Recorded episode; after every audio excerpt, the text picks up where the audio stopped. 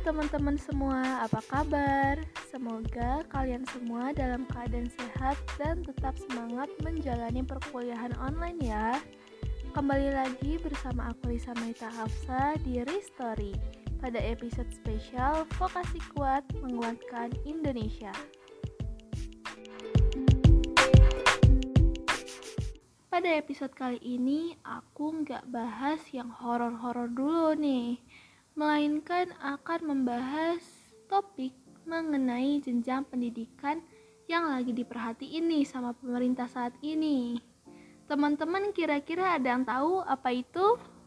Yap, itu adalah pendidikan vokasi. Kenapa Kemendikbudristek sedang fokus kepada program ini? Karena pemerintah ingin merubah image orang-orang yang memandang sebelah mata program vokasi Pemerintah juga percaya kalau vokasi juga bisa bersaing dan bisa memajukan Indonesia.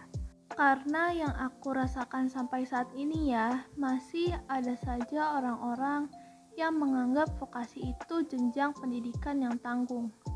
Kenapa gak sarjana aja sekalian? Dan lain sebagainya, masih banyak lagi tuh pertanyaan. Menurut aku ya, kita mau kuliah di jenjang vokasi atau S1 sekalipun, itu gak ada masalah selagi kita tujuannya untuk belajar, menuntut ilmu, itu gak akan sia-sia sih kalau menurut aku ya. Karena kita semua tahu bahwa pendidikan itu adalah invest untuk masa depan kita. Sedikit penjelasan nih mengenai pendidikan vokasi.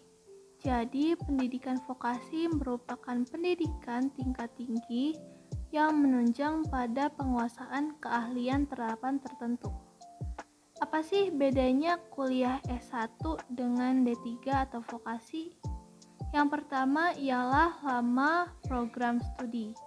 Jadi kalau kuliah S1 itu setidaknya ada 144 SKS dan harus ditempuh perkuliahannya itu selama 4 tahun.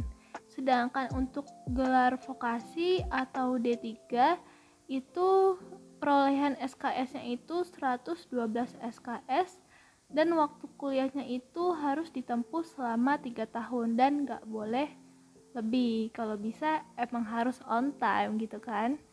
Nah yang kedua ialah sistem pembelajaran. Sistem pembelajaran di pendidikan vokasi itu sedikit berbeda dengan di jenjang sarjana di mana kalau vokasi ini sistem belajarnya 60% praktikum dan 40% teori. Sedangkan di jenjang sarjana sebaliknya 60% teori dan 40% praktikum. Kenapa di vokasi lebih besar praktikum dibandingkan teori? Karena kita mahasiswa vokasi dipersiapkan untuk memasuki dunia pekerjaan sehingga kita banyak melakukan kegiatan praktikum dibandingkan teori. Maka dari itu, program vokasi lebih mengutamakan keterampilan dan keahlian. Beberapa waktu lalu juga Menteri Pendidikan Kebudayaan Riset dan Teknologi atau Kemendikbudristek yaitu Bapak Nadiem Makarim mengatakan Pendidikan vokasi saat ini menjadi satu poin fokus isu nasional sebagai bagian dari upaya peningkatan SDM di Indonesia untuk bersaing di dunia industri, sehingga lulusannya dapat berperan aktif dalam pembangunan ekonomi nasional sebagai tenaga profesional. Selain itu, dalam mengembangkan potensi pendidikan vokasi, Kemendikbudristek melalui Direktorat Jenderal Pendidikan Vokasi telah mengeluarkan program-program baru yang terdiri dari program SMK Diploma 2 Jalur Cepat. Nah, program ini ke depannya akan semakin banyak melalui program Kampus Merdeka Vokasi. Jadi perubahan yang akan terjadi yaitu jumlah prodi D2 akan semakin banyak sehingga kebutuhan SDM operator atau teknisi ahli dapat terpenuhi.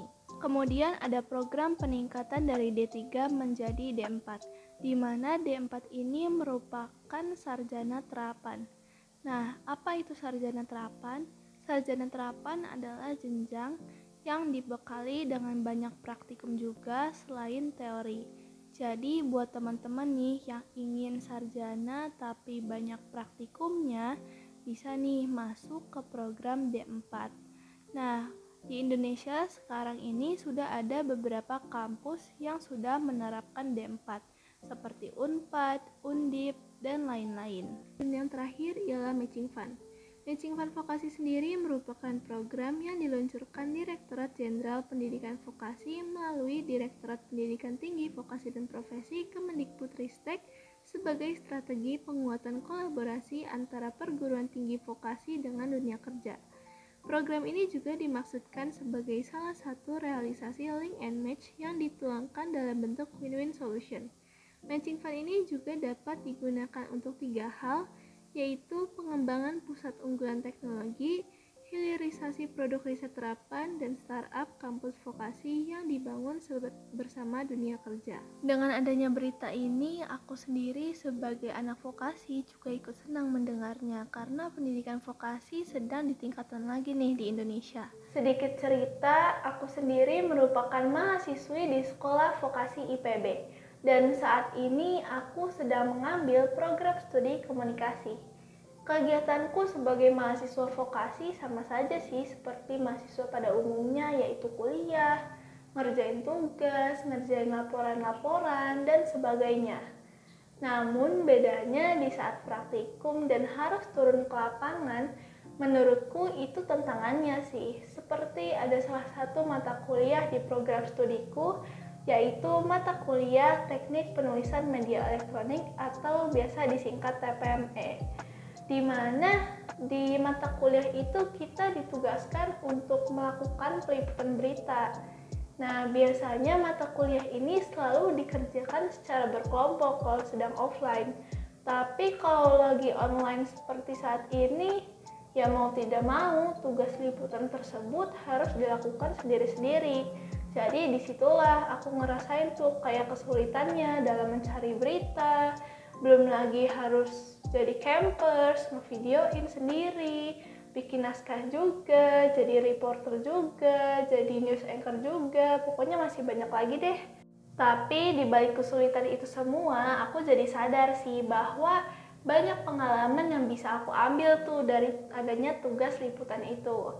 Aku jadi bisa ngerasain rasanya jadi news anchor, jadi kameramen, scriptwriter, reporter, dan juga editor. Nah, dengan pengalaman itulah yang membuat aku untuk lebih mempersiapkan diri lebih baik lagi dalam memasuki dunia pekerjaan nanti.